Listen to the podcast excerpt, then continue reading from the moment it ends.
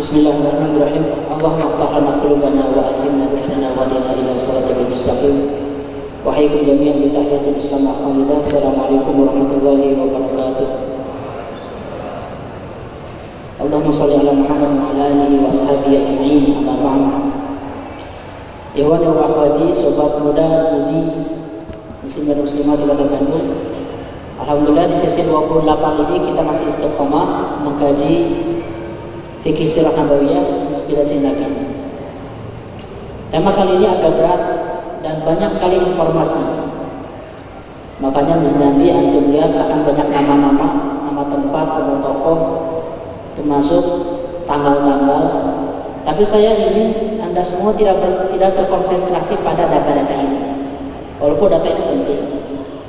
Saya ingin mengajak kawan-kawan semua lebih berkonsentrasi pada rahasia ataupun ibrah ataupun hikmah dari setiap kejadian. Karena di sini fungsi dari pelajaran sejarah. Itu yang pertama. Yang kedua, kajian kita hari ini akan banyak membahas tentang jihad, perang. Dari kemarin perang terus katanya memang masa-masa perang. Masa cinta sudah selesai. Masa cinta sudah selesai. Tapi nanti ada masa cinta juga. Gimana? Ramai masa cinta. Cuman masa cintanya pun tidak mudah diterima hari ini kajian. Menegangkan dari kaum akhlak. Yang ketiga, konteks peperangan yang akan terjadi di kajian hari ini perlu kita pahami dengan mendalam. Karena kalau kita tidak memahami konteksnya, kita bisa salah paham. Bukan hanya salah paham terhadap surat Nabawiyah, bahkan akan salah paham terhadap seluruh seluruh bangunan Islam. Makanya ketika mengkaji segala sesuatu itu tidak bisa sepotong-sepotong. Jadi andaikan kajian ini insya Allah suatu hari kita upload Lalu Anda hanya mengkaji sesi 28 Dijamin Anda akan ekstrim. Gak ngerti. Anda perlu paham dulu sesi 27 tentang perang Ahzab Sesi 26 tentang bagaimana pengkhianatan kabilah-kabilah terhadap Rasulullah Sesi 25 bagaimana perang Uhud itu perlu difahami semuanya agar kita tahu bahwa apa yang dilakukan, dilakukan oleh Rasulullah SAW di sesi ini itu semuanya ada landasannya. Ada landasannya. Itu yang dimaksud dengan memahami konteks. Sangat penting sekali. Karena dalilnya itu-itu juga. Kejadiannya itu-itu juga. Tapi kejadian yang sama, dalil yang sama bisa digunakan oleh beberapa kelompok umat Islam untuk menteror, untuk menjadi teroris. Jadi saya sampaikan hal ini penting agar kita tidak salah kaprah memahami konteks sirah nabawiyah. Baik. Saya akan menghubungkannya dengan tahapan jihad. Sejak Rasulullah SAW hijrah, itu baru terjadi perang di tahun kedua. Selama 13 tahun Nabi Muhammad SAW berdakwah di Mekah, itu nggak ada perang sama sekali. Yang ada intimidasi dan penganiayaan, defensif. Kelihatan nggak? Kurang gede. Infaknya lebih banyak, biar beli uh, apa namanya proyektornya lebih bagus. Jadi baru pertama kali jihad itu ketika perang Badar. Dan itu pun jihadnya itu karena terpaksa. Bukan karena proyek, bukan karena perencanaan, terpaksa saja. Maka umat Islam melalui empat tahap ini. Ada sebuah buku bagus judulnya Manhaj Dakwah Nabi, konsep dakwah Nabi. Tapi di, di dalamnya dibahas tentang tahapan-tahapan jihad ini. Yang pertama dikatakan tahapan pertama itu i'dad, persiapan. Wa'iddu masata'tum min quwwatin. Dan siapkanlah semua bentuk kekuatan wa min ribatil khayli tuhibuna bihi aduwallahi wa aduwakum dengan semua persiapan itu kalian menggentarkan musuh-musuh Allah. Dia persiapan saja menambah angkatan militer, menambah anggaran, memperbanyak jumlah pasukan, menguatkan senjata, itu cukup untuk membuat orang lain gentar. Padahal kita belum apa-apain. Itu menjadi tahapan dalam jihad. Dan umat Islam sudah memulainya ketika hijrah. Sebelum perang Badar, angkatan militer dibangun, pasukan disusun, senjata-senjata dikumpulkan. Itu tahap pertama. Tahap kedua yaitu izin kita. Izin kita saat apa? Saat perang Badar. diizinkan kepada umat Islam untuk memerangi orang-orang yang sudah memerangi umat Islam terlebih dahulu. Oleh karena itu Rasulullah mengirimkan pasukan untuk mencegah kafilah dagang Quraisy dan itu yang menjadi penyebab perang Badar. Diizinkan, tapi belum diperintahkan untuk menyerang, belum. Karena kita ini defensif, maka ketika ada momen ini ada izin enggak? Ketika ada izin baru bergerak, tapi tidak sengaja menciptakan momen. Barulah di level ketiga, di level tiga ini mulai ada kewajiban dalam perang Uhud, dalam perang Ahzab. Tapi ada kewajiban tujuannya ada dua, bisa bertahan, bisa menyerang. Sebelumnya bisa bertahan terus. Dalam perang Uhud ketika orang-orang kafir Quraisy dari Mekah datang 3000 orang umat Islam bertahan. Pertahanannya dua alternatif, apakah tinggal di Madinah ataukah menyerang. Tapi bertahan juga tetap tidak menyerang ke Mekah. Atau dalam perang Ahzab kita ngapain diserang oleh 10 ribu pasukan nggak bisa ngapa-ngapain sedangkan umat Islam laki-lakinya sekitar 3000 orang laki-lakinya sekitar 3000 orang di Madinah itu. Maka yang bisa mereka lakukan hanya bertahan itu adalah peperangan terbesar antara umat Islam di Madinah dengan kafir Quraisy di Mekah dan juga sekutu-sekutunya. Tapi di akhir perang Ahzab itu Nabi Muhammad SAW mengucapkan satu kalimat. Yang kalimat ini menjadi pembatas, kalimat ini menjadi pembeda antara fase sebelum perang Ahzab dan fase setelah perang Ahzab. Apa kalimatnya kalau masih ingat? Al-ana naghzuhum wa la yaghzuna. Nahnu nasiru ilaihi. Sekarang kita yang akan menyerang mereka dan mereka tidak akan pernah lagi menyerang kita. Kita akan berangkat ke tanah-tanah mereka. Jadi ini fase ketika umat Islam mulai ekspansi dalam jihad. Tapi belum jihad total. Belum melawan orang Romawi, belum melawan orang Persia, karena ini level keempat nanti. Ini terjadi setelah Sulhul Hudaybiyah. Atau terjadi tepatnya setelah Fatu Makkah. Jadi ini kita sedang ada di level 3 ketika umat Islam mulai ekspansi jihad ke mana-mana dengan berbagai alasan. Nanti tiap tiap tiap perang, ghazwah ataupun syariah ada alasan masing-masing. Level 4 nanti kita bahas insya Allah ya di pertemuan berikutnya tujuannya untuk membangun kedaulatan Islam. Inspirasi 299 saudara-saudara. Ini yang saya bilang di prolog tadi. Jangan sampai salah paham. Kerasnya jihad tidak kontradiktif dengan perdamaian Islam. Keduanya adalah dua sisi mata uang. Karena bagian dari perdamaian adalah jaminan perlindungan dan keamanan warganya. Jadi jangan pernah berharap bahwa menjaga perdamaian itu tidak dengan kekuatan enggak. Perdamaian itu bisa ada kalau di pinggir-pinggirannya itu ada tentara yang menjaga, baru ada perdamaian. Kalau nggak ada tentara yang menjaga, kalau tidak ada jihad, kalau tidak ada pertahanan, kalau tidak ada dinas militer, nggak ada perdamaian. Perdamaian itu harganya mahal. Maka umat Islam yang paling minimal adalah menyiapkan pasukan jangan sampai kita diserang terus.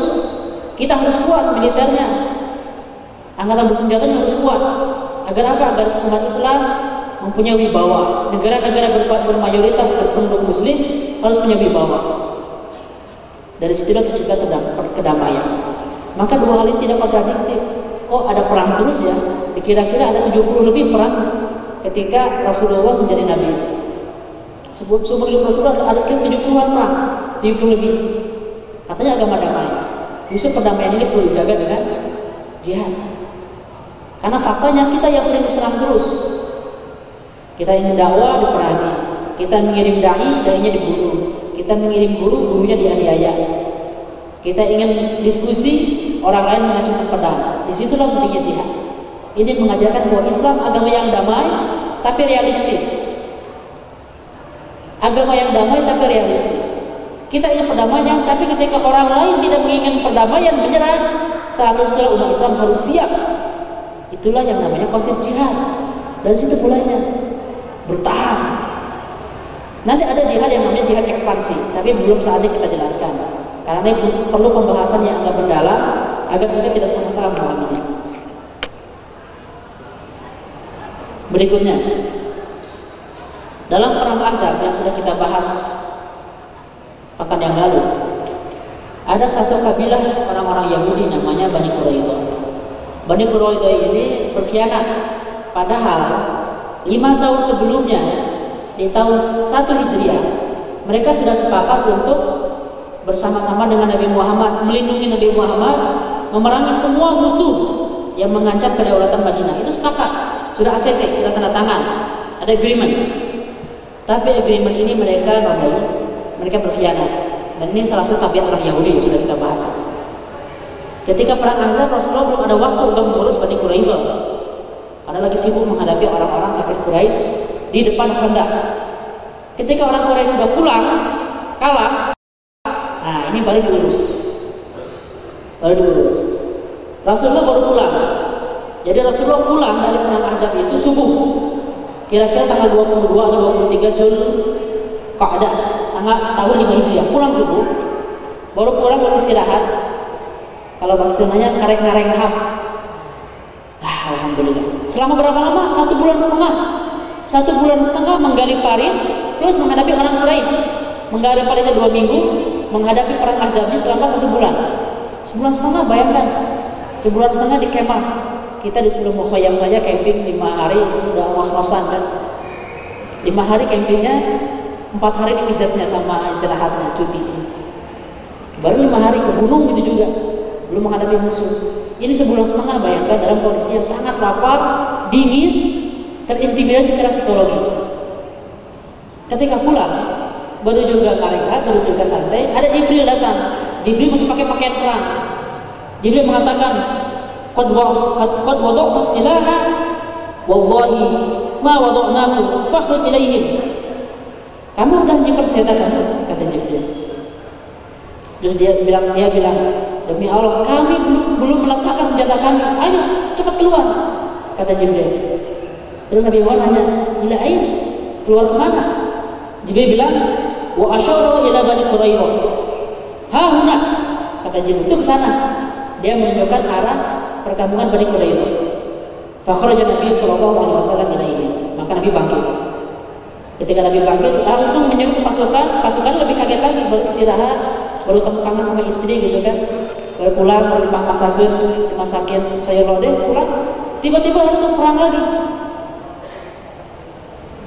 Kata Rasulullah La yusalliyanna al-asra la yusalli ahadul asra illa fi Bani Quraidah. Ada berbagai versi teksnya. Langsung Rasulullah bilang, kalian semua jangan ada yang sholat asar kecuali sudah sampai di Bani Quraidah. Ini ayat terkenal. Jangan ada seorang pun yang sholat asar kecuali sudah sampai di Bani Quraidah. Dan jaraknya lumayan jauh. Berangkatlah mereka. Berangkat mereka jumlahnya 3000 orang sama 30 kuda. Ketika berangkat ke sana, tidak ada seorang pun yang sudah pulang perang Azab yang malas, semuanya ikut. Dan di sana dikepung selama 15 hari. Ketika dikepung, padahal Bani Quraidah itu punya harta, punya makanan lengkap, punya semua perlengkapan. Bisa bertahan lah 2 sampai 5 bulan itu bisa bertahan. Tapi karena Allah Subhanahu wa taala menurunkan malaikatnya Salah satu malaikat Allah itu bukan hanya Jibril, tapi ada sebuah kekuatan Junudul Rahman antara Allah yang namanya Ar-Ruh. Apa artinya Ar-Ruh? Rasa takut. Rasa takut. Allah Subhanahu wa taala yang menitipkan rasa takut di hati Bani Quraidah ini. Sehingga mereka menyerah dalam waktu 2 minggu 15 hari dibuka benteng. Tapi untuk membuka pun ini ada ada perdebatan yang alot yang nanti akan saya bahas. Ketika di perjalanan ada perdebatan. Ketika sampai asar, beberapa sahabat sudah mau sholat asar, tapi sahabat yang lain enggak. Rasulullah sudah memerintahkan jelas, jangan sholat asar kecuali sudah sampai di Bani Quraidah. Tapi ini masih tengah perjalanan. Maka beberapa sahabat bilang enggak. Yang dimaksud Rasulullah itu bukan teksnya, bukan jangan sholat kecuali sudah sampai. Maksudnya adalah agar kita cepat-cepat Jangan leha-leha, usahakan asal itu sudah sampai di Bani itu baru kita sholat. Tapi sekarang pada faktanya ini sudah masuk sholat asar. Tapi kita belum nyampe, harus ngapain? Sedangkan sholat harus tepat pada waktunya kan? Gak bisa sholat asar di waktu dilakukan pada isya kan? Ini mereka sholat, sebagian sholat nggak sholat. Sebagian sahabat nunggu sampai mereka sampai di Bani itu pas sampai pada isya. Jadi mereka sholat asar, sholat maghrib, sholat isya digabung. Setelah sampai Bani Quraidah. Kabar ini sampai ke Rasulullah setelah beberapa hari kemudian nyampe apa yang mereka Rasulullah diam aja. Nggak ada yang mencela satu pun nggak ada yang disebutkan antum benar yang salah enggak? Ini menunjukkan bahwa dalam Islam ada yang namanya ijtihad dan memahami ayat atau memahami hadis. Dan dua-duanya ada ada ada logikanya. Inspirasi nomor 300 para pahlawan tidak akan santai beristirahat setelah tuntas suatu tugas besar. Karena selama prinsip kemanusiaan ada saat itulah mereka terus bergerak. Faidah faragha fangsol ketika kalian sudah selesai satu urusan bergerak lagi. Makanya nggak ada waktu istirahat kita itu. Nggak ada waktu pensiun. Yang ada adalah pensiun karir bukan pensiun amal. Usia 55 tahun. Masih berkas pensiun. Setelah itu apa yang kita mimpikan punya rumah gede bikin masjid atau tinggal di rumah yang gede di samping masjid biar tiap hari bisa ke masjid kan? Ketika pensiunan. Makanya di rumah di komplek-komplek pensiunan itu mesinnya nanti ramai ramai sama orang tua orang tua. Yang sudah pensiun sebentar lagi langsung kubur maka ke masjid setiap hari. Dalam Islam bukan seperti itu cara menghabiskan pensiun. Rasulullah SAW mulai perang Badar itu. Usianya 54 tahun perang Uhud 55 tahun. 55 tahun perang Ahzab 57 tahun. Usia-usia pensiun. Usia-usia pensiun lebih banyak di atas kuda dibanding di atas kursi malas. Maka nggak ada pensiun bagi Islam dari amal. Terus bergerak. Selesai suatu amal terus lanjutkan. Maka dibilang sebentar ketika diam sebentar ayo lanjut lagi ke Bani Quraidah yang kedua inspirasinya. Inspirasi nomor 301 di dalam Islam pemikiran-pemikiran baru yang di luar bid'ah akan selalu mendapat apresiasi terlepas dari kebenaran hasilnya. Ini yang namanya ijtihad. Ijtihad itu kalau benar dua pahala, kalau salah satu pahala. Kenapa salah satu pahala? Pahala dia sudah capek-capek berijtihad bikin masih solusi. Walaupun salah. Kalau benar dia pahalanya ijtihadnya dapat sama pahala benar keputusannya dapat. Jadi dalam kasus Bani Quraidah tadi ada dua golongan ini yang yang e, menjadi pembeda utama pemahaman tekstual dengan kontekstual. Orang-orang yang tekstual berpikir kayak gimana? Rasulullah bilang yang jelas, jangan sholat kecuali di Bani Quraidah. Walaupun sudah masuk waktu maghrib, walaupun sudah masuk waktu isya, belum sampai Bani Quraidah belum sholat. Bahkan mungkin andaikan mereka sampai subuh, mereka belum sholat asar. Teksnya jelas. Tapi golongan kedua kontekstual. Ini ayatnya jelas, dalilnya jelas maksudnya, hadisnya. Jangan sholat kecuali sudah sampai. Ini belum sampai, cuma mereka memahami dengan cara yang berbeda. Yang dimaksud Rasul itu bukan teksnya, tapi ada rahasia di balik kalimat itu bahwa kita harus cepat-cepat. Nah, mereka mencari rahasia di balik teks. Ini yang disebut kalau para kata para ulama madrasatul maqasid, madrasah maqasid. Mereka mencari maksud tujuan-tujuan dari syariat. Yang hari ini tujuan syariat itu diklasifikasi oleh para ulama dimulai dari seorang ulama maqasid yang namanya Asy-Syatibi. Ada lima maqasid. Menjaga agama, hifdzud din, menjaga jiwa, hifdzun nafs, menjaga akal, hifdzul akal, hifdzul mal, dan hifz al-ilm, harga diri. Atau itu an-nasab yang keenam, menjaga keturunan. Ini adalah tujuan-tujuan syariat. Jadi ketika ada teks, golongan kedua ini tidak langsung menerapkan yang bikin rahasianya apa? Ini banyak terapan-terapan cara berpikir yang kedua ini. Misalnya, janganlah perempuan keluar kecuali dengan mahram. Maknanya apa? Maknanya bahwa perempuan perlu dilindungi dalam keadaan aman ketika ingin beraktivitas. Bagaimana kalau ada situasi perempuan keluar aman, insya Allah tidak ada begal, insya Allah tidak ada perampokan, tidak ada penculikan, tidak ada pemerkosaan di tengah siang, di keramaian di Taman Sari ini. Hadis ini diterapkan nggak?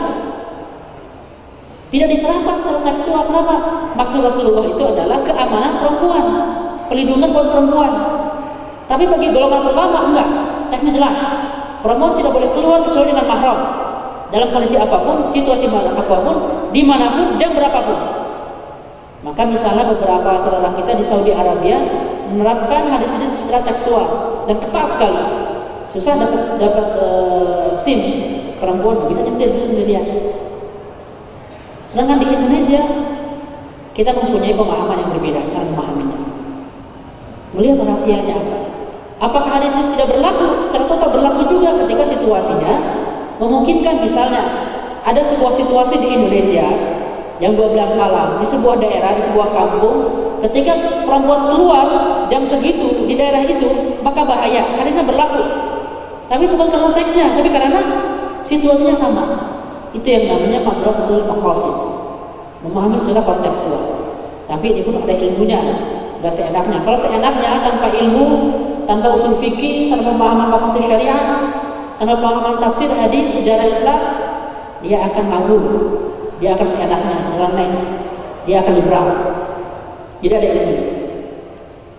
Berikutnya ketika banyak Quraidah yang dikepung mereka memutuskan kita akan menyerah. Lalu pemimpin mereka namanya Ka'ab bin Asad. Memberi tiga tawaran. Tawaran pertama kita menerima keputusan Muhammad. Tawaran kedua apa pun keputusannya minta dihukum. Mudah-mudahan kita dapat hukuman sama seperti Bani Koinuko pernah pernah ingat nggak? Apa hukuman terhadap Yahudi Bani Koinuko apa? Diusir dari dari dari Madinah. Diusir keluar.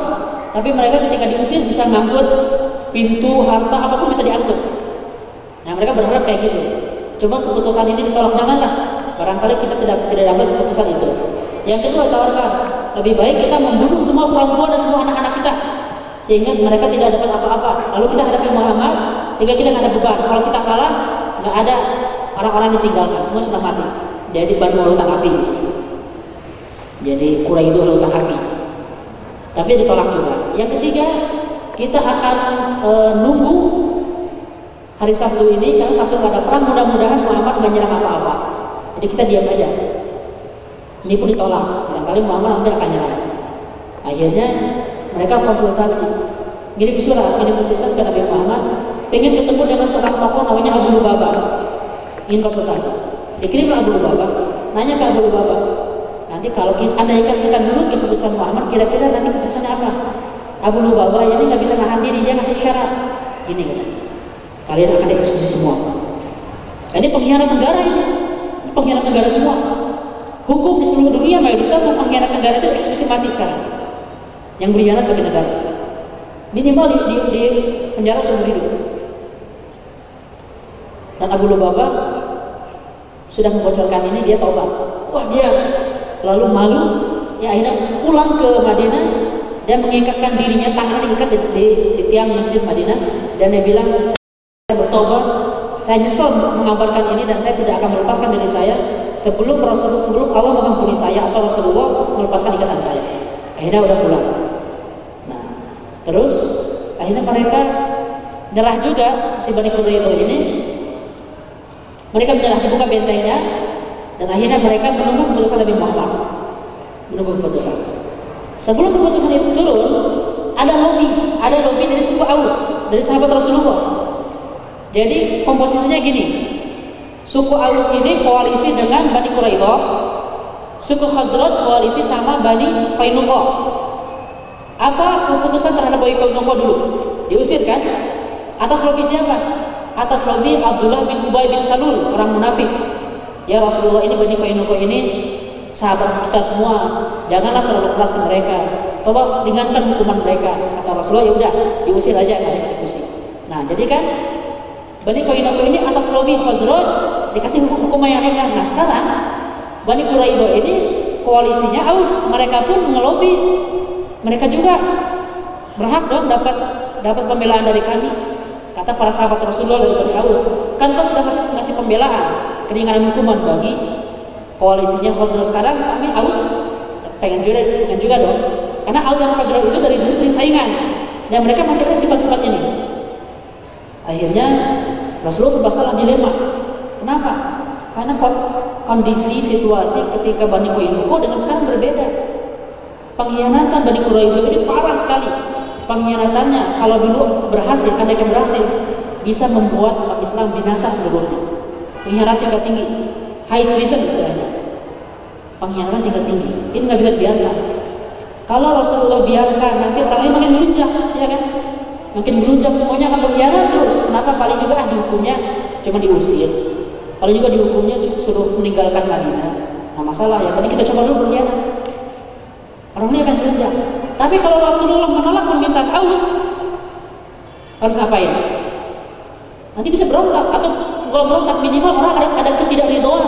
Ya Rasulullah, engkau ke koalisinya Khazraj berbaik hati, tapi kita kok nggak berbaik hati? Ada akan ada kecemburuan sosial dan ini sangat berbahaya kecemburuan sosial ini. Dilema. Tapi Rasulullah semua situasi ini sudah ketebak, sudah bisa ketebak. Jadi jauh sebelum pengepungan pengepungan Bani Quraidah, Rasulullah sudah lobby duluan, sudah ada kesepakatan. Kesepakatannya apa? Saya ceritakan. Jadi sudah punya visi tingkat tinggi. Akhirnya Rasulullah menawarkan, Mau enggak? Yang memutuskan nasib Bani, Bani Quraidah ini bukan saya, tapi pemimpin kalian dari Bani Aus. Ridho enggak? Sepakat enggak? Kata Bani Aus, nah ini sepakat. Kita ridho. Jadi biar kami suka Aus yang yang yang menentukan bagaimana nasib Bani Quraidah ini. Maka yang menentukan adalah pemimpin dari suka Aus. Namanya Sa'ad bin Mu'ad. Saat bin Muad itu yang dalam perang Azab pekan lalu dijelaskan terpanah, terpanah ke ininya lengannya sampai darah memuncak dan dia sudah sekaratul maut, sedang dirawat di rumah sakit. Rasulullah padahal sudah bikin kesepakatan dengan bin Mu'ad jauh hari ketika perang Azab andaikan nanti ada situasi ketika kamu harus memutuskan nasib Bani Quraidah inilah keputusan udah udah udah, udah sepakat hadir saya saya jarang menemukan keterangan ini kecuali dalam satu, satu buku judulnya Kiroah Sia-Sia Sirah Nabawiyah. Pembacaan politik atas Sirah Nabawiyah. Dimensi politik atas Sirah Nabawiyah. Karena Muhammad Rawas Qal'ahji Di buku-buku sirah lain saya nggak dapat penjelasan ini. Baru satu buku lain saya dapat. Jadi saya harus menyebutkan sumbernya. Barangkali ulama lain, sejarah lain tidak sepakat. Cuman ini menarik analisisnya. Bahwa Rasulullah saking cerdasnya sudah bikin sudah bikin kesepakatan dulu. Kesepakatan rahasia antara Rasulullah dengan Mu'ad nah, lalu datanglah mereka ke tenda Sa'ad bin Mu'ad digotong. Karena dia lagi sekarang digotong. Digotong dibawa ke hadapan Rasulullah di daerah Bani Quraidah itu Rasulullah bilang kumu ila qaidikum. Ayo semuanya berdiri menyambut pemimpin kalian Sa'ad bin semuanya berdiri. Ayo sekarang silahkan kamu putuskan apa apa keputusan kalian terhadap nasib Bani Quraidah? Kata Sa'ad bin Mu'ad, keputusan saya adalah seluruh laki-laki dieksekusi mati. Dieksekusi mati. Dihukum mati. Kaget semua suka alus. Tapi gimana lagi kan bersepakat. Kata Rasulullah, "Laqad hakamta fihim bihukmillahi min fawqa sab'i samawat." Wahai Sa'ad, kamu sudah memberikan uh, keputusan sesuai dengan keputusan Allah dari langit ketujuh cocok keputusan jadi Rasulullah menyelesaikan dua konflik sekaligus ketidakridhoan uh, Aus dan juga keinginan dari Allah Subhanahu wa taala keinginan Rasulullah untuk apa? Untuk menghukum mati orang-orang yang berkhianat ini. Dua-duanya tercapai dengan dengan lobby politik. Ini lobby politik tingkat tinggi. Dan ini menarik sekali. Apa inspirasinya saudara-saudara? Dan ngomong-ngomong, dari mana uh, Sa'ab bin membuat keputusan ini? Sebenarnya keputusannya gampang. Keputusannya sesuai dengan hukum Taurat sendiri. Ini ada Taurat. Taurat dalam surat Safar At-Taniyah ayat 10 sampai 15. Kurang lebih isinya orang-orang yang membunuh dan berkhianat, maka hukumannya adalah dihukum mati. Laki-laki dihukum mati itu dalam Taurat. Jadi dia mengambil keputusan sesuai dengan kitab yang diyakini oleh orang Yahudi sendiri. Jadi ada kan ada orang yang berkhianat terhadap Bani Quraidah, maka Bani Quraidah akan menghukum mati. Sekarang sekarang bagian mereka, mereka yang berkhianat, mereka yang dihukum mati. Inspirasinya apa? Inspirasi 302. Dalam politik, pengumuman keputusan-keputusan terbaik harus direkayasa agar mendapat dukungan publik dan legitimasi yang kuat. coba terapkan dalam kondisi politik ini. Jadi kalau kita mempunyai aspirasi, makanya ini, kalau kita punya aspirasi, kalau kita punya keinginan, dalam konteks demokrasi, keinginan ini harus legal. Keinginan ini harus mendapat pendukung. Lewat apa? Lewat pemilu. Jadi tidak bisa Anda ingin, ingin mengatakan, ayo kita kembali kepada Quran dan Sunnah. Bagaimana caranya? Apa maknanya kembali kepada Quran dan Sunnah? Dalam dalam bidang lingkungan, kembali Quran dan Sunnah itu artinya menjaga lingkungan, menjaga hewan satwa. Bagaimana dalam tata kota kembali Quran dan Sunnah itu kota yang Islami, kota yang mendekatkan diri kepada Allah Subhanahu Wa Taala. Kembali kepada Allah dan Rasulnya artinya apa? Akhlak sosial dibangun pendidikannya, dibangun strata sosial yang egaliter, dan itu perlu diterapkan lewat demokrasi, lewat dukungan publik dan legitimate. Gak bisa lewat jalur lewat jalur kudeta. Ini yang maksudnya bahwa ini kalau kita terapkan hari ini artinya aspirasi kita perlu dibawa dengan jalur-jalur yang legal, mendapatkan dukungan publik dan legitimasi yang kuat bukan bukan dengan jalan lintas. Dan juga ini menjelaskan saya satu hal lain tentang manuver politik. Orang yang cerdas itu, saya kasih tahu, pemimpin politik yang cerdas itu tidak membeberkan strateginya di awal waktu, enggak, dirahasiakan. Jadi kalau ada sering ada yang nanya ke saya, kira-kira apa nih misi politiknya? Tenang, belakangan. Kenapa? Politik apa kebijakan-kebijakan terbaik itu dibocorkan di, di akhir nanti jangan di awal kalau di awal bisa ditiru dijiplak bisa diserang gagasan-gagasan. Jadi program-program politik misalnya arah untuk Indonesia masa depan. Bagaimana konkretnya? Belakangan nanti. Kenapa? Barangkali tiru dijiplak nah ini ini adalah strategi Rasulullah selalu mengakhirkan agar strategi-strategi itu tidak tidak terbaca musuh. Selesai Bani Quraidah langsung lanjut. Semua orang-orang yang berkhianat, semua musuh-musuh dalam perang Azab satu demi satu ditumpas. Ada tokoh penting namanya Abu Rafi, nama nama lengkapnya Salam bin Abi al Buqay. Dia ini mastermindnya perang Azab. Dia yang memprovokasi seluruh kabilah agar bergabung dengan pasukan Azab. Maka dikirimlah seorang sahabat namanya Abdullah bin Atik untuk misi apa? isi asasinasi jadi dikirim sebagai desempol dikirim. Dan triknya bagus. Ini ceritanya agak panjang detailnya cuma kurang lebih dengan trik dia dia berhasil masuk ke benteng ke benteng si Abu Rafi ini. Ketika masuk ke benteng dia berhasil menikam dalam kondisi yang tidak diduga-duga di rumahnya sendiri. Tapi yang yang yang menarik kan Salam ini orang-orang Yahudi. Dia ketika ngobrol dengan istrinya pakai bahasa Ibrani. Dia ngerti bahasa Ibrani, dia paham bahasa Ibrani, maka dia tahu kapan si Abu Rafi ini ke toilet, kapan dia keluar, kapan dia bersendiri. Dia tahu, dia mendengarkan pembicaraan dengan istrinya. Karena dia ngumpul berhari-hari. Sampai akhirnya ketika momen ada, dia berhasil mengasasinasi si Abu Rafi. Ini dia dalam kot perang. Penjahat perangnya ini. Saya coba berpikir bahwa inspirasinya bahwa bahasa itu sangat mutlak penting. Rasulullah tidak mengirim Ali bin Abi Thalib kenapa? Pintar tapi Ali bin Abi Thalib tidak memahami bahasa Ibrani. Plus Ali bin Abi Thalib ini terkenal wajahnya. Ketahuan ini sepupunya Rasulullah. Jadi nggak mungkin begitu menyelinap ketahuan. Jadi perlu dilihat dicari orang-orang yang nggak terkenal, invisible, intelijen kayak gitu. Nggak mungkin intelijen posting, eh saya dapat uh, diterima loh keanggotaan di BIN di intelijen di posting di Instagram nggak mungkin harus invisible nggak dikenal wajahnya mempelajari bahasa kaum adalah langkah pertama menyaingi eksistensi mereka. Maka kalau tidak ingin kalah bersaing dengan lawan dengan musuh bahasa mereka perlu kita kuasai. Itu langkah pertamanya. Makanya kita sebetulnya dengan orang-orang Amerika itu harus lebih pede. Kita ngerti bahasa mereka mereka nggak ngerti bahasa Sunda. Dengan orang Amerika.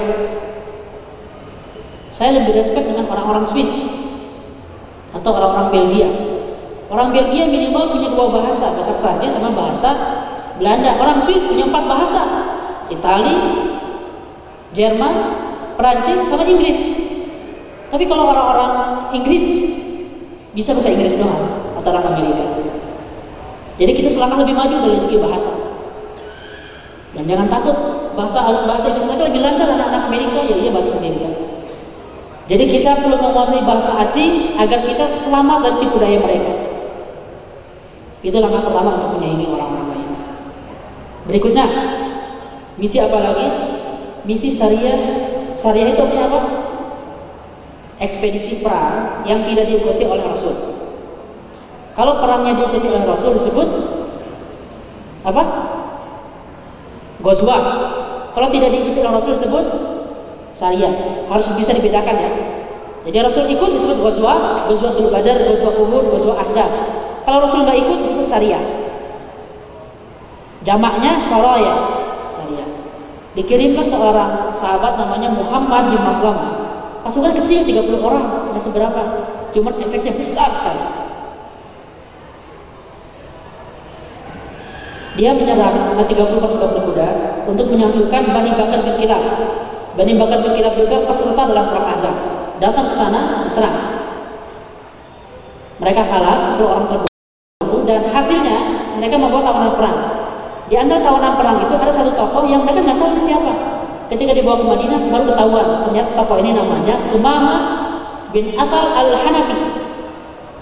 Ini adalah pembesar Bani Hanifah tokoh dari Bani Hanifah tokoh besar ini dapat dapat the big fish istilahnya tokoh besar dan Sumamah ini diikat di depan masjid lalu Rasulullah nanya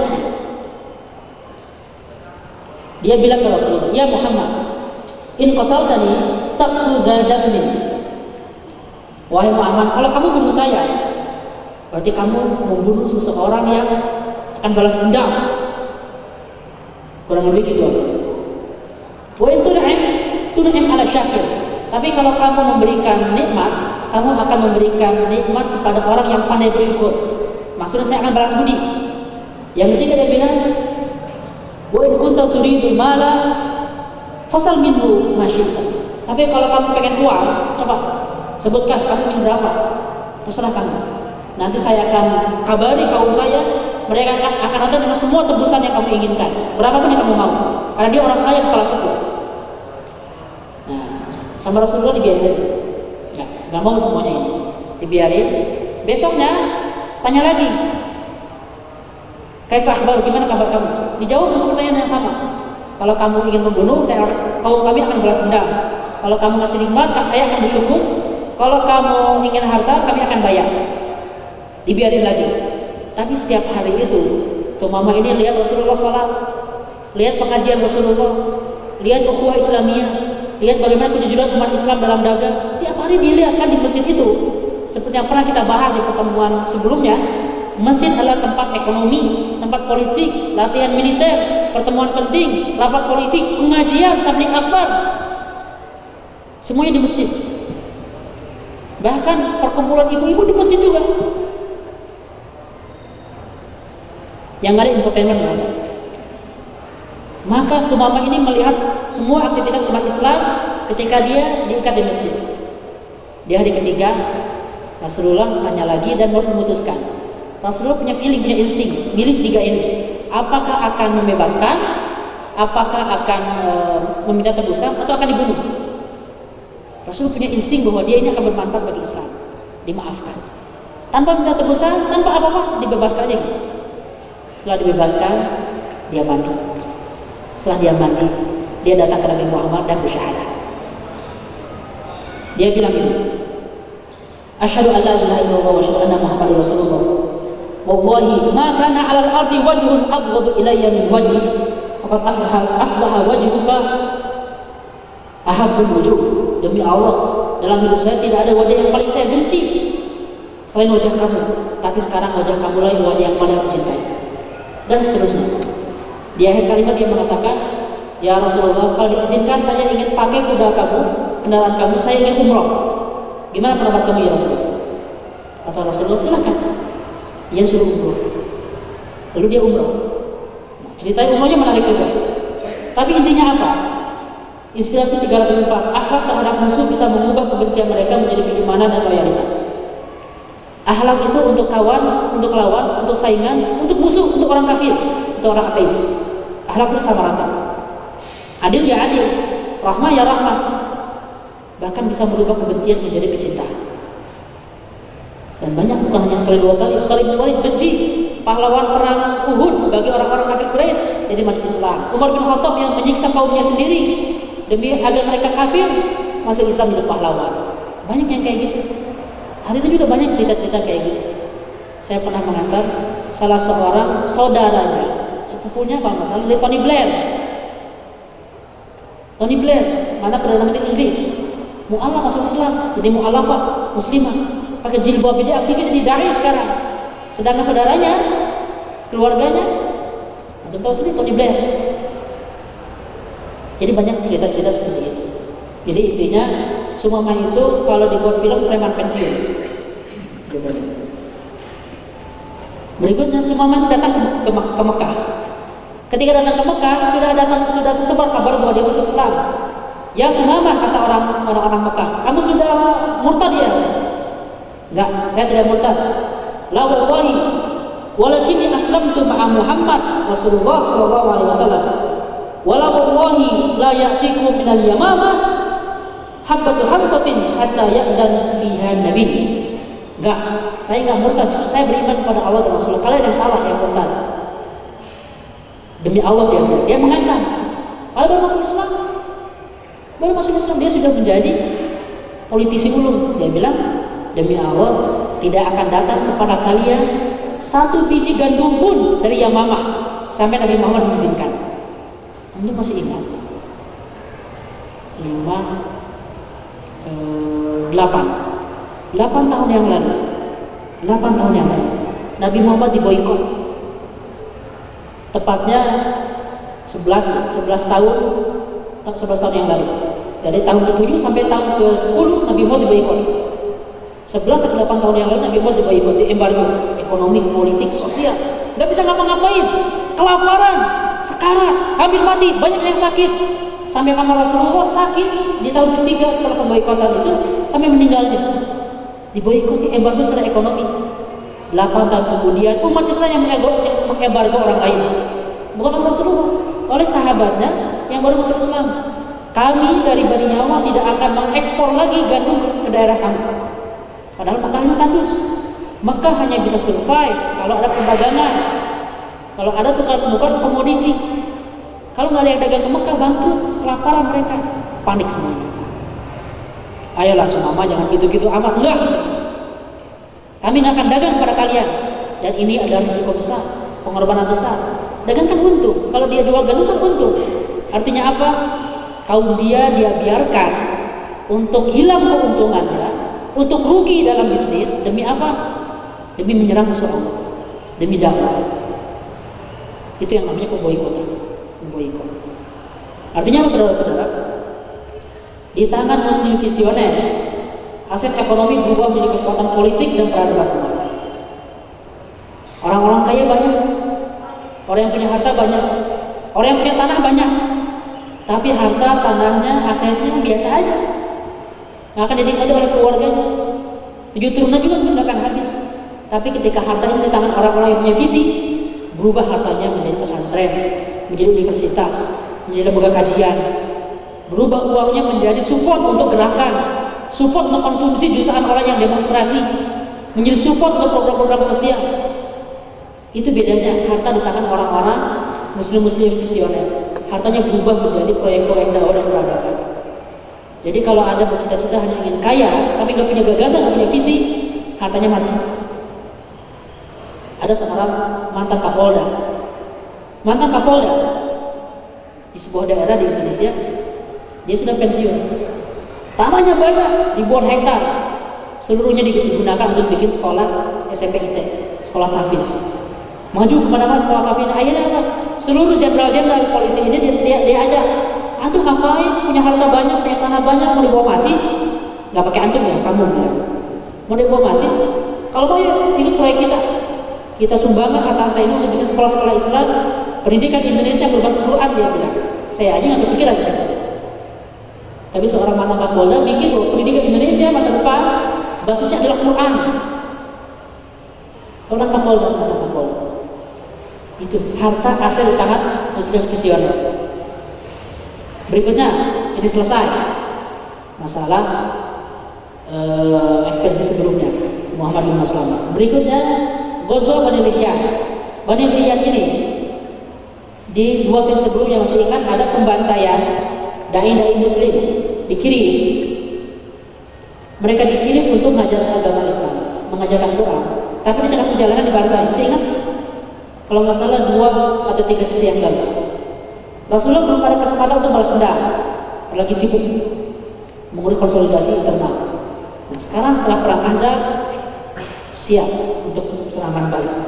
Datanglah Rasulullah menjaga pasukan 200 orang dan Bani ini di selatan ini Madinah ini Bani Liyan ini Mekah ini Syam di atas di utara ketika dia mau keluar keluarnya jalurnya ke atas jalan terus ke atas ke utara kurang lebih 32 km 20 mil dan kabarnya tersebar ke seluruh jazirah Arab. Wah, Muhammad sedang ada ekspedisi ke daerah Syam. Setelah di atas muter jalan. Udah muter, padahal ke bawah ke selatan. Ke selatan. Ketika sudah sampai udah udah mendekati Bani Liyan, mereka baru dengan kabar, tapi udah nggak ada waktu untuk persiapan. Akhirnya semuanya kabur ke gunung. Kotanya ditinggalkan, biasanya ditinggalkan. Dan Nabi Muhammad berkemah di sana selama 14 malam sebagai pemenang. Apa yang ada bisa diambil oleh sebagai ghanimah. Itu strategi Nabi Muhammad. Saking saking unpredictable. Ini intinya menang. Ini harus menang. Dalam pertarungan jangka panjang, momentum sangat vital. Strategi-strategi terbaik hanya dikeluarkan di detik terakhir sehingga lawan tidak mampu, tidak mempunyai waktu untuk persiapan. Biasanya yang kayak gini itu berlaku ketika pendaftaran pilpres. Lihat nanti, antum-antum e, percaya pendaftaran pilpres nanti orang-orang yang daftar adalah di jam-jam terakhir, mungkin menit terakhir sebelum jam 23.59 di bulan April tahun depan itu. Nanti tiba-tiba ada capres-capres baru yang yang kita nggak kenal sebelumnya atau kita nggak memprediksi mereka daftar di akhir atau setengah jam sebelum penutupan. Nanti mau ngapain coba? Mau ngapain? Lawan-lawan politiknya kan lawan politik. Kalau calonnya A, kita lawan dengan B. Kalau calonnya C, kita lawan dengan D. Tapi kalau daftar di akhir, nggak bisa berubah. Tapi hati-hati juga ketika aku daftar kuliah, sistem online, jangan jangan last minute. Saya masih ingat dulu. Daftar ke LPDP itu sekitar 10 menit sebelum deadline hari terakhir waktu Paris. Bedanya kira-kira 6 jam. Jadi di Paris itu sekitar jam 6, eh 5 jam bedanya. Jam 7 kurang 15 saya daftar di hari terakhir. Di Indonesia jam 12 malam kan, mau jam 12 malam. Gimana kalau lampu mati? Gimana kalau laptop ngeheng? Gimana kalau internet putus? Risikonya banyak. Tapi di detik terakhir itulah Allah memberikan pertolongan-pertolongan. Karena belum memang belum beres gitu aplikasinya. Jadi banyak saya mengalami momen-momen yang pertolongan Allah datang di menit-menit terakhir. Jadi jangan abaikan injury time minute. Nah, bagi para pemain bola, jangan jangan tasyakuran dulu begitu dua menit sebelum apa berhentinya pertandingan bola. Padahal skornya baru satu kosong. Misalnya dua menit terakhir antum numpang dulu gitu kan boleh. Jadi menit terakhir adalah masa-masa yang paling berbahaya dan Rasulullah selalu mengeluarkan strategi-strateginya di menit-menit terakhir sehingga orang lain nggak ada persiapan.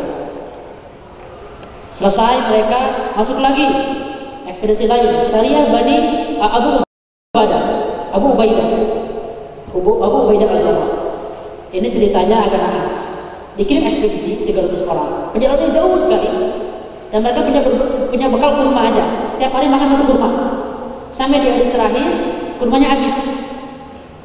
Sampai mereka makan kayu kayu direbus dimakan. Daun-daunan dulu direbus dimakan. Tapi mereka ketemu ikan paus. Pernah dengar kan ceritanya? Ketemu ikan paus. Jadi ketika mereka melewati pinggiran pantai, ada ikan paus terdampar. Kalau mungkin ikan paus itu gede. Yang jelas ikan paus kan bukan bukan ikan gurame. Gede. Akhirnya ikan paus itu disembelih. Eh bukan disembelih karena udah mati, dipotong-potong dan sahabat debat. Kenapa? Kenapa makan ini kan ini mayit, bangkai. Kan nggak boleh makan bangkai. Akhirnya beberapa sahabat istirahat, nggak apa-apalah bangkai binatang laut. Itu belum ada. Al-Maidah ayat 3 belum ada. Al-Maidah ayat 3 berisi larangan terhadap darah, terhadap babi dan lain-lain juga halalnya binatang-binatang laut. Maksudnya halalnya bangkai binatang laut, apa pun itu. Maka mereka sampai diwakilkan sampai sampai jadi gendut mereka kenyang karena berhari-hari makan daging ikan paus itu. Ketika pulang ke Madinah, laporan ke Rasulullah tentang kejadian itu, semuanya dilaporkan dan Rasulullah e, tidak melarang tidak apa. Kenapa? Karena ada turun Al-Maidah ayat 3. Bahkan Rasulullahnya masih ada kan dagingnya? Eh bagi masih ada ya Rasulullah. Jadi syukuran sama Rasulullah makan daging ikan paus.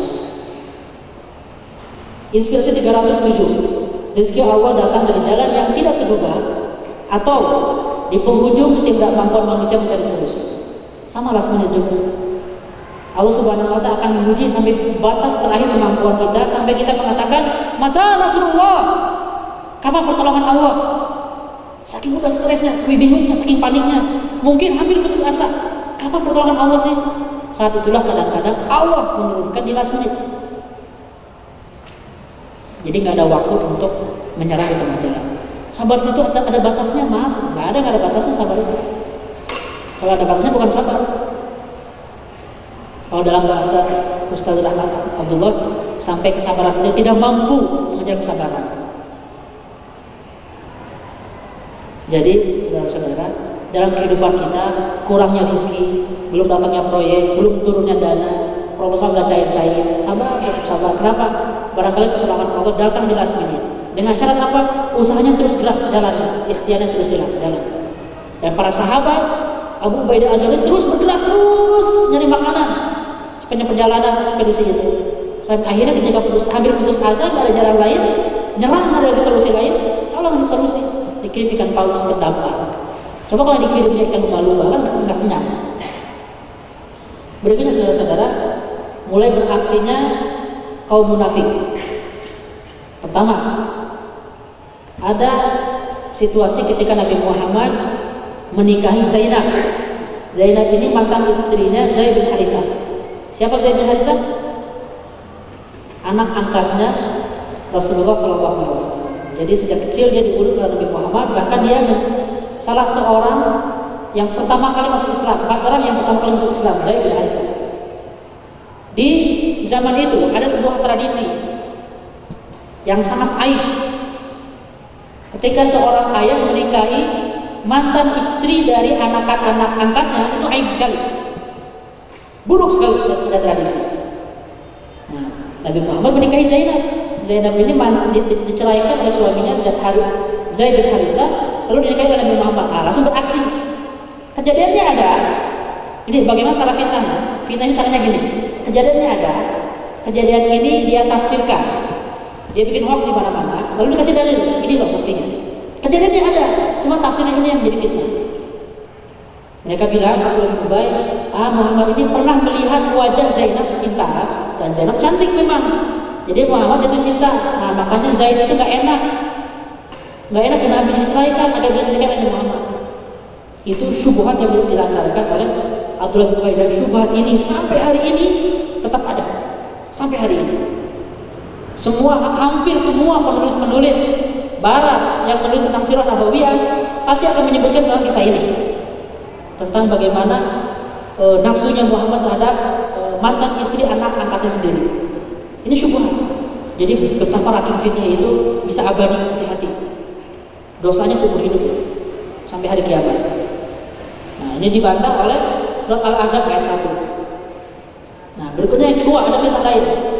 Kenapa Rasulullah menikahi Zainab ini? Setelah ini terputuslah tradisi tentang aib itu bahwa seorang ayah dengan anak angkatnya itu tidak ada hubungan kecuali hanya hubungan rahmah saja. Tidak ada hubungan nasab, tidak ada hubungan yang lain-lain bahkan dilarang untuk menyebut anak-anak angkat sebagai anak kandung nggak boleh. Zaid bin Muhammad sebelumnya disebutnya setelah ayat-ayat ini dihapus harus disebut dengan nama bapaknya Zaid bin Harithah. Nggak boleh sebut Zaid bin Muhammad. Jadi antum nggak boleh menyebutkan nama dengan bin ke orang lain, ke bapak orang, ke bapak tiri nggak boleh. Harus ke bapak kandung.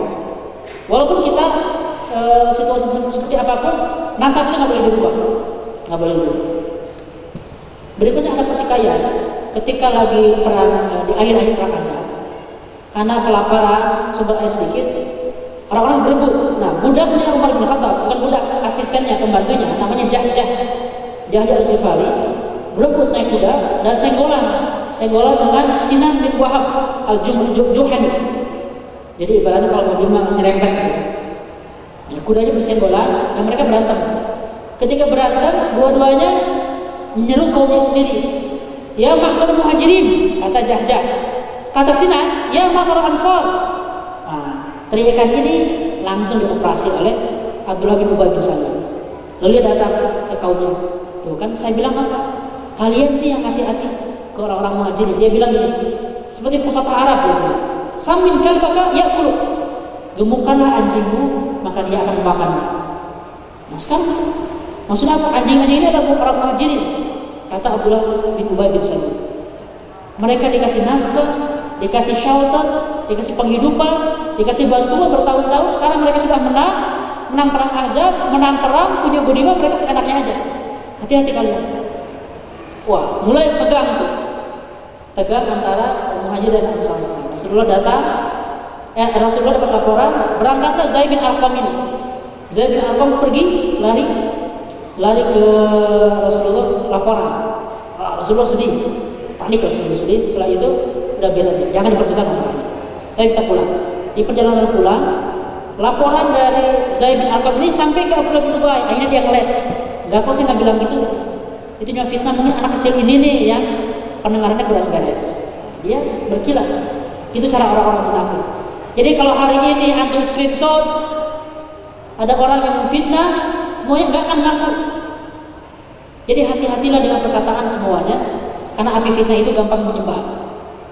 Nah ketika orang-orang yang gemar memberikan hoax itu, mereka akan hapus postingnya, mereka akan hapus ID-nya, akan bisa akan trace website. Yang penting fitnah sudah tersebar, orang sudah pecah, orang sudah bertengkar, mereka kabur.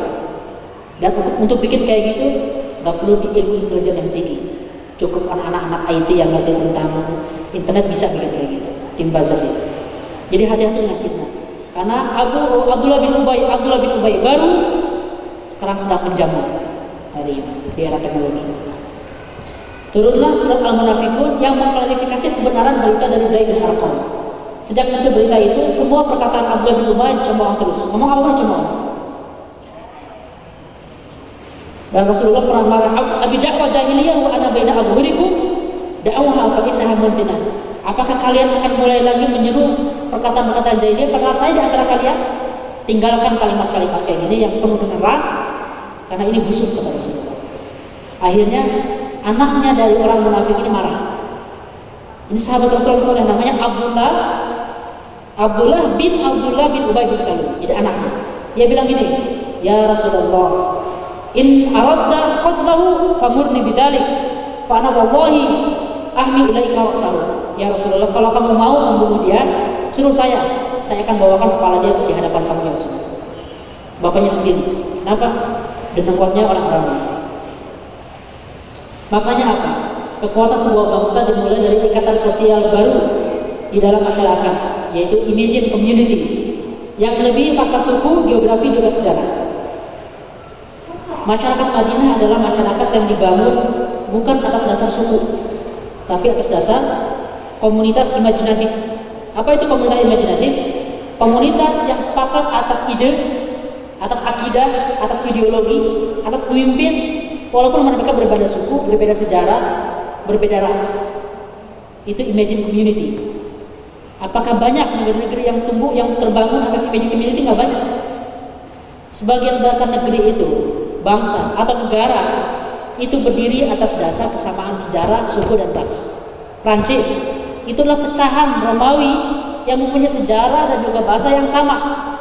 Beda dengan Spanyol, beda dengan Italia, beda dengan Inggris. Jepang satu ras yang sama. Tapi imagine community ini jarang sekali.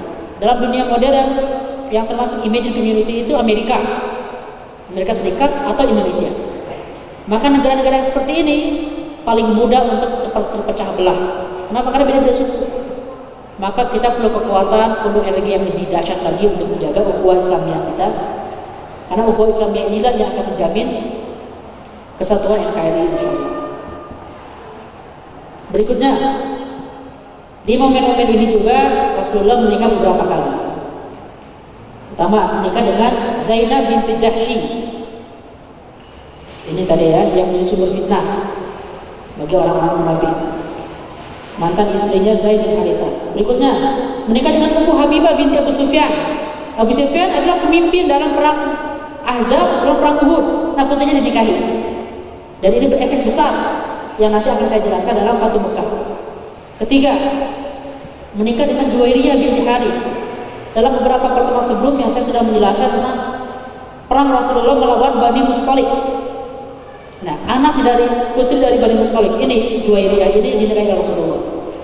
Nah, karena perempuan sudah banyak ditawan, ketika Rasulullah menikahi Juwairiyah ini, perempuan-perempuan dari Bani Bani Mustalik itu dibebaskan oleh sahabat Rasulullah. Kenapa? Bebaskan semuanya karena mereka adalah besan-besan Rasulullah. Gara-gara dibebaskan, akhirnya orang-orang dari Bani Mustalik itu semuanya tersentuh hatinya, semuanya jadi masuk Islam. Gara-gara pernikahan dengan Juwairiyah. Jadi pernikahan itu bisa jadi berfungsi peradaban, bukan hanya soal cita-citaan saja. Berikutnya, Rasulullah juga menikah dengan Sofia binti Huyai bin Akhtab al-Yahudiyah.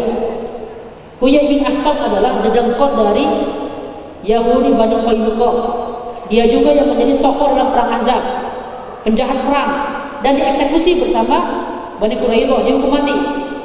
Tapi putrinya orang terhormat orang Yahudi dinikahi. Dinikahi oleh Rasulullah SAW. Dan Aisyah pernah ngambek. Apa sih nikah sama Sofia ini? Orang Yahudi. Rasulullah malah marah. Jangan ngomong jangan rasis kayak gitu, kata Rasulullah. Inna abi Harun wa ami Musa. Sesungguhnya bapakku ini katanya. Maksudnya bapak ke atas itu Nabi Harun dan pamanku itu Nabi Musa. Dua-duanya orang Yahudi. Jadi jangan rasa begitu bukan orang Yahudi. Yang kita benci adalah akhlaknya bukan rasnya. Maka menikah dengan orang Yahudi boleh. Rasulullah SAW pernah melakukannya. Berikutnya Maimunah binti Hanif. Selain lima ini Rasulullah punya istri Aisyah, punya istri yang lain sebelumnya siapa? Ummu Salamah. Jadi berapa? Tujuh. Kita perlu bahas 309. Pernikahan politik adalah dimensi lain dari kehidupan rumah tangga yang diperbolehkan. Bukan diwajibkan ya, bukan diharuskan, tapi diperbolehkan. Karena dalam Islam, rumah tangga adalah fungsi peradaban. Dalam Islam, rumah tangga itu bukan hanya kisah sarukan dan kajol, bukan. Bukannya kisah cinta India. Apalagi kisah remaja itu kan SMA nikah, bukan. Rumah tangga adalah awal dari sebuah peradaban. Kalau rumah tangganya lemah, nggak akan ada peradaban yang terbangun. Maka seorang istri atau pernikahan dengan alasan politik itu diperbolehkan. Dulu zaman-zaman kerajaan, cara untuk mengikat loyalitas sebuah kerajaan adalah menikahkan anak-anaknya. Jadi anak raja ini dengan anak raja itu dinikahkan, dijodohkan agar kedua kerajaan ini nggak perang. Dua orang yang berkorban untuk hidup bersama, manfaatnya apa? Ada dua dua kerajaan, ada jutaan orang yang terselamatkan dari perang. Gara-gara apa? Gara-gara dua orang nikah. Jadi ini fungsi peradaban. Gitu. Jadi kalau anak punya misi ini tidak haram gitu kan, gitu kan. nikah untuk politik. Misalnya nikah sama anak partai dan partai lain gitu kan di besanan boleh gitu. kalau mau boleh. Kalau ada tawaran misalnya ada tawaran mau nikah dengan putri saya kita punya aset macam-macam. Anda pikirkan dulu, pikirkan dulu. Ini aset ini proyek ini bermanfaat nggak bagi peradaban Islam bagi umat Islam. Tapi anda nggak cinta misalnya, nah, tinggal diukur aja kadar cinta Anda dengan kadar minat Anda untuk berkontribusi bagi umat Islam. Pilih yang mana? Masih kalian cinta kan? Ya udah saya yakin aja. Yang jelas, keluarga yang dibangun atas dasar hubungan politik itu diperbolehkan. Kenapa? Karena Islam agama yang realistis. Tapi tidak harus seperti itu. Kalau Anda menikah ini gara-gara murni tergoda oleh e, ketampanan, kecantikan, akhlaknya, walaupun gak ada hubungannya dengan politik ya boleh aja. Cuman jangan melarang jangan menghina atau jangan mencibir orang-orang yang menikah gara-gara alasan ini. Kenapa? Karena dilakukan oleh Rasulullah SAW dan para sahabat. Berikutnya ini panjang cuma nggak akan saya jelaskan hanya saya sebutkan saja. Ada banyak sekali syariah-syariah ekspedisi peperangan yang tidak dikejar Rasulullah saya Ukasha bin Muhsan 6 Hijriah 40 orang. Muhammad bin Maslama dikirim lagi ke Bani Salabah 6 Hijriah 10 orang. Abu Baidah Zaid bin Harisah. Zaid bin Harisah ini anak angkat Rasulullah tadi sering sekali diminta untuk memimpin pasukan perang. Kenapa? Karena dia punya kapasitas dan disiapkan untuk kaderisasi. Anaknya nanti Usama bin Zaid akan disiapkan untuk memimpin pasukan perang besar melawan Roma dan usianya masih 19 tahun. Kenapa? Karena Rasulullah sedang mengkader. Kenapa Umar bin Khattab, Abu Bakar As-Siddiq jarang disuruh mimpin? Kenapa kira-kira? Karena nggak perlu dilatih. Dua orang ini nggak perlu dilatih. Sudah teruji kemampuan kepemimpinannya. Yang perlu dilatih dari Umar dan Abu Bakar adalah kemampuan berpikir strategis dan visi seorang pemimpin bukan kapasitas manajerial dan leadership di lapangan. Karena dua, dua, orang ini sudah finish, sudah selesai kapasitasnya. Sudah tidak dilakukan. Makanya ini orang-orang yang muda ini yang seringnya dilatih untuk memimpin pasukan. Zaid bin Harisah kepada Sulaim. Halimah juga kemudian dinikahi Rasulullah setelah menyenangkan Sulaim. Jadi anak putri dari dari e, pemimpin Bani Sulaim ini dinikahi Rasul.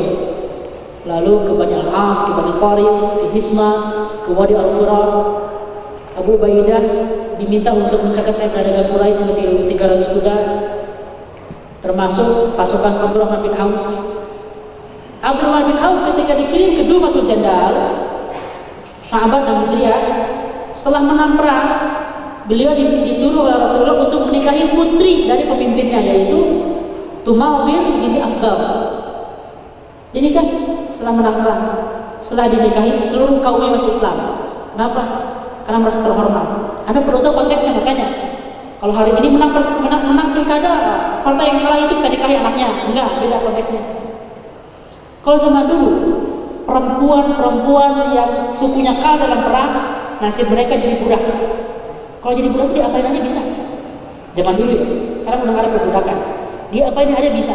Dihinakan, gak punya harga diri, terhina sekali. Maka ketika putri atau perempuan-perempuan yang ditaklukkan dan dinikahi, itu adalah penghormatan tertinggi. Dinikahi jadi istri, dikasih nafkah, dihormati, dijaga. Jadi konteksnya adalah masyarakat Arab, dinikahi adalah terhormat sekali. Dan Islam memberikan batas, jangan terus-terusan maksimal 4. Kenapa? Sebelum Islam datang, nikah itu bisa 10, 20, 100 kali. Bukan gundik loh, bukan gundik istri. Ada orang-orang yang punya istri 100 istri. Kenapa itu tabiatnya, itu tradisinya. Nah, Islam membatasi. Ketika fungsi ini ada, peradaban, untuk fungsi politik, maksimal empat. Maka pembahasan poligami ini kalau di, di, dirunut secara uh, komprehensif, itu bukan hanya pembahasan soal suami istri cinta, bukan hanya itu, bukan hanya soal nafkah, ini ada soal peradaban. Tapi saya jarang membahas ini dan bukan tempatnya untuk membahas ini, karena anda belum siap. Itu satu.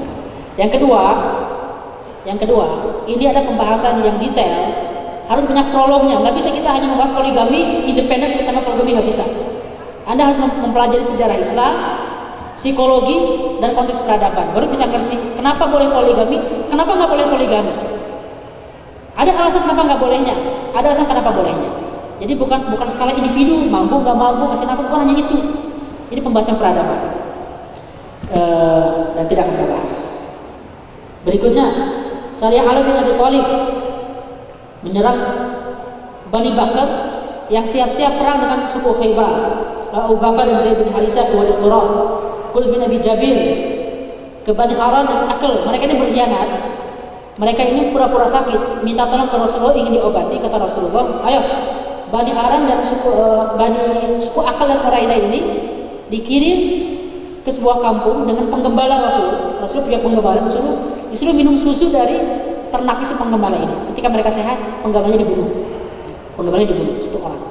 Gara-gara ini dibunuh, berkhianat, sudah dibantu, diserang satu kampung. Harga diri satu orang muslim lebih berharga dari siapa? Terakhir, pasukan Abdullah bin Rawah. Inspirasi 310. Kedaulatan negara tegak saat yang mampu membuktikan bisa melindungi keselamatan seluruh warga dan seluruh perbatasan dari ancaman keamanan. Keamanan warga dan perbatasan adalah salah satu alasan kenapa umat Islam atau Rasulullah mengirimkan pasukan-pasukan untuk ekspansi Kenapa? Sebelum ancaman itu masuk ke dalam, diselesaikan di negeri mereka masing-masing. Ketika ancaman itu real, bukan hoax. Jadi argumen ini, argumen ini digunakan oleh apa? Oleh uh, foreign foreign policy-nya Amerika. Sebelum mereka mengancam kedaulatan Amerika, kita serang di negeri mereka. Mereka serang Suriah, mereka serang Afghanistan, mereka serang Vietnam, mereka serang negara-negara yang lain. Padahal ini alasannya alasan hoax semua. Alasan hoax semua. Kalau zaman Rasulullah ini real, mereka bikin pasukan baru diserang. Ini kalau lebih yang bisa saya sampaikan. Uh, saya mohon maaf kalau terlalu banyak nama, karena saya coba merangkum pun nggak bisa harus saya sampaikan. Kalau enggak saya khawatir ada yang bolong dalam pemahaman kita terhadap surat Nabi. Insya Allah pekan depan kita akan mulai membahas tentang perjanjian Hudaybiyah. Pekan depan baru dimensi diplomasi, dimensi politik akan lebih menonjol dibanding dimensi perang. Insya Allah. Silakan masih ada waktu kalau ada yang ditanyakan.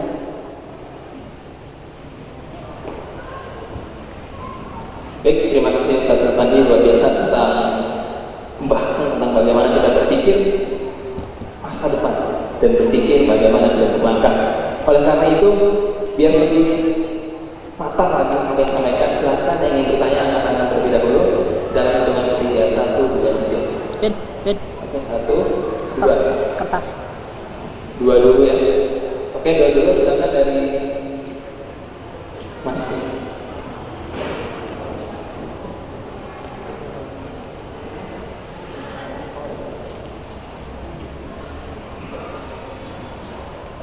Assalamualaikum Pak Ustaz. Uh, saya ada dicoba memahami konteks luar dari uh, konteks ini dan saya lihat di sini kan kita bicara politik dan strategi. Cuman saya sendiri struggle dengan pemahaman apa itu siasat.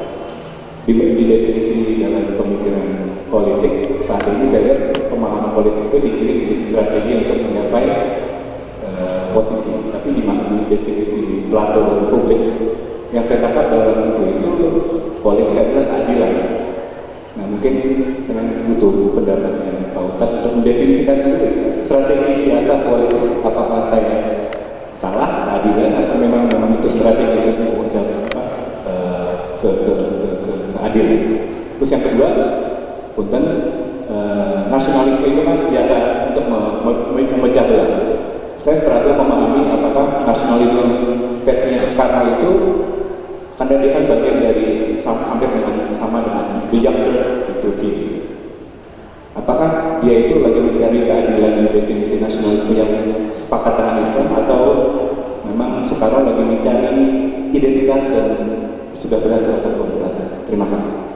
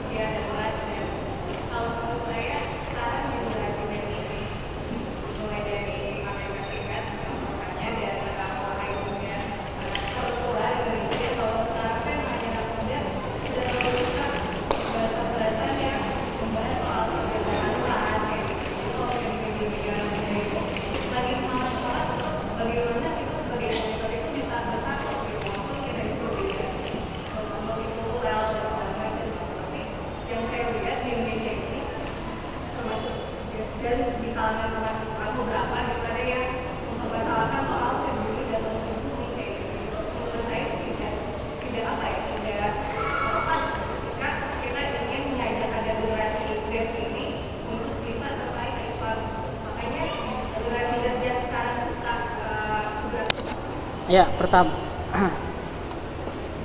yang pertama tentang uh, nasionalisme. Eh, nasionalisme apa tadi? Siasat. Definisi siasat itu atau politik. Politik itu nggak ada konsensus ya atas definisi. Ada yang mendefinisikan seni ketidakmungkinan dan menjadikan semuanya mungkin. Ada yang mendefinisikan uh, who get what, when, where, and how to distribute it.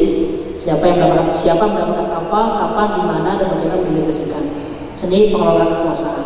Ada yang mendefinisikan uh, ini adalah perjuangan untuk keadilan.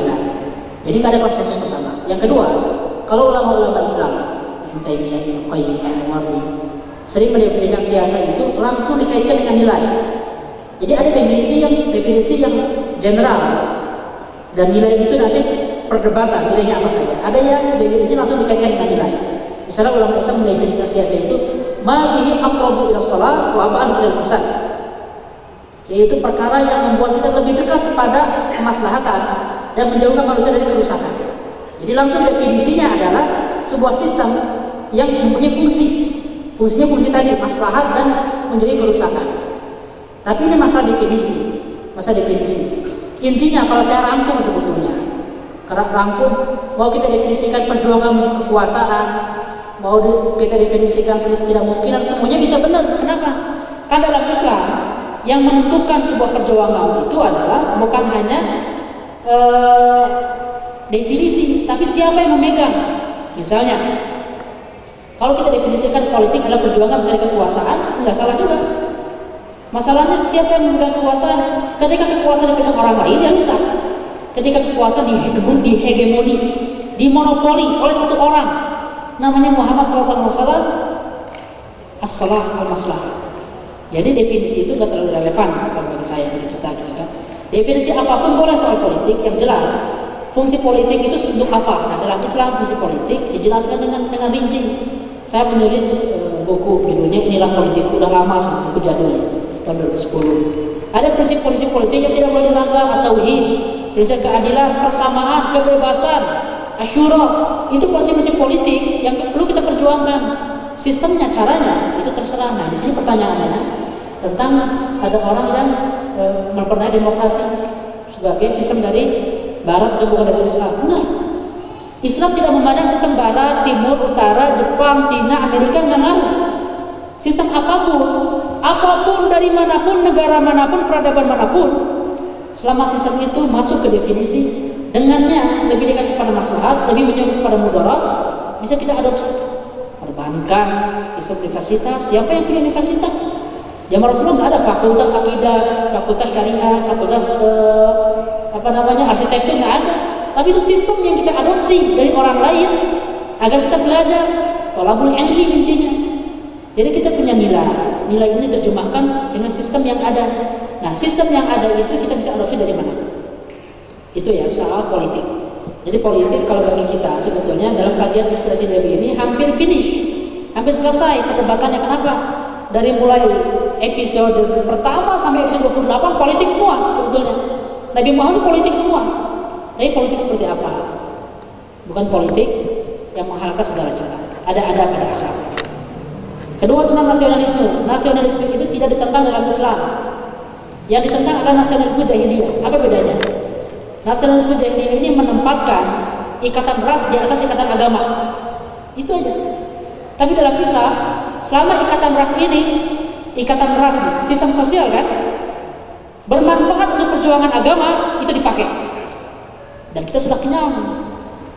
Sesi ke dari mulai ke sesi keempat, kelima, keenam, terus sampai hari ini kita berkali-kali mengulang apa yang namanya al-jiwar, sistem perlindungan. Apa itu sistem perlindungan? Mereka loyal dengan rasnya sendiri, dengan kabilahnya sendiri. Satu kabilah melindungi kabilah yang lain gara-gara apa? Gara-gara setiap orang loyal dengan sukunya masing-masing. Selama sistem ini produktif untuk Islam dipakai oleh Rasulullah. Rasulullah meminta perlindungan dari Mutim bin Adi. Rasulullah koalisi dengan suku-suku yang lain. Itu nasionalisme semua. Digunakan nasionalisme itu oleh Rasulullah untuk perjuangan Islam.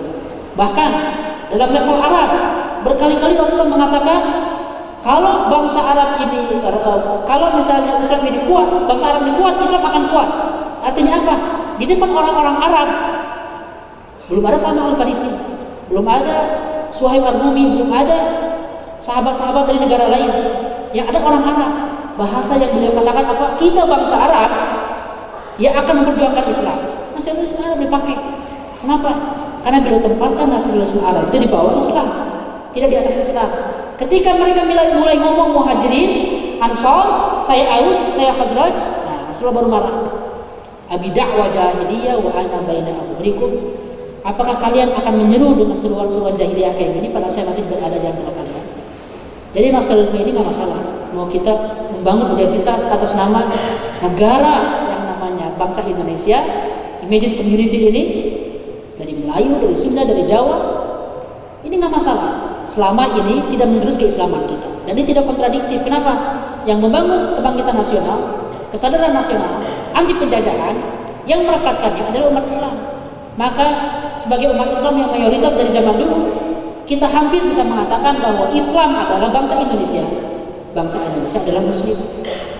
Yang lain-lain ikut berkontribusi juga sebagai minoritas. Jadi kalau bagi Indonesia selesai masalah nasionalisme dan Islam itu. Berikutnya tentang imagine community, tentang negara yang dibangun atas dasar e, keberagaman itu. Masalahnya di Indonesia tadi yang anda sebutkan itu pun perlu kita lihat, perlu kita zoom dengan detail. Yang kita masuk bahwa umat Islam itu fokus dengan isu-isu itu yang mana? Kita alhamdulillah enggak di sini di masjid ini ataupun forum umat tempat lain mungkin enggak enggak fokus mikirin yang yang anda sebut tadi. Jadi kita perlu lebih adil. Ketika kita menyebut umat Islam kok ke sini terus enggak enggak semua umat Islam. Itu satu. Jadi jangan mengeneralisir. Yang kedua, andai kan ada sebagian umat Islam yang seperti itu, kita perlu paham apa eh, background psikologis dan sosialnya apa. Ketika orang mengatakan pribumi dan pribumi, sebetulnya yang, yang mereka maksud itu bukan kecemburuan itu bukan, tapi ketidakadilan ekonomi. Kenapa? Karena umat Islam dari zaman dulu sudah terbukti hand to hand gitu kan, berpegangan tangan dengan non Muslim, berjuang bersama sudah terbukti, berjuang bareng, sangat tidak alergi dengan perbedaan, sangat welcome dengan perbedaan. Masjid di depan gereja, ada orang yang nikah di, diantar oleh orang-orang yang demo. Saya pengalaman keliling dunia belum pernah ada menemukan negara yang setoleran Indonesia. Nonsens Prancis, Inggris, jauh toleransinya lebih tinggi Indonesia. Jadi kalau Indonesia dianggap tidak toleran, maka tidak ada yang toleransi di dunia ini. Kalau Indonesia dianggap tidak toleran, muslimnya tidak ada yang toleransi di dunia ini. Karena Indonesia belum toleran. Maka kita perlu bisa, bisa punya kemampuan membaca fenomena di balik fenomena. Ketika ada orang ngomong pribumi, pribumi bukan itu yang mereka maksud. Yang mereka maksud adalah distribusi kekayaan yang sangat timpang antara orang-orang kita di orang-orang Indonesia dengan orang-orang asing atau keturunan asing yang terus menghisap kekayaan dalam negeri. Itu PR-nya, bukan soal pandangan nasionalisme atau kebangsaan. Wallahu a'lam Insya Allah kita lanjutkan pekan depan dalam tema Hudaybiyah.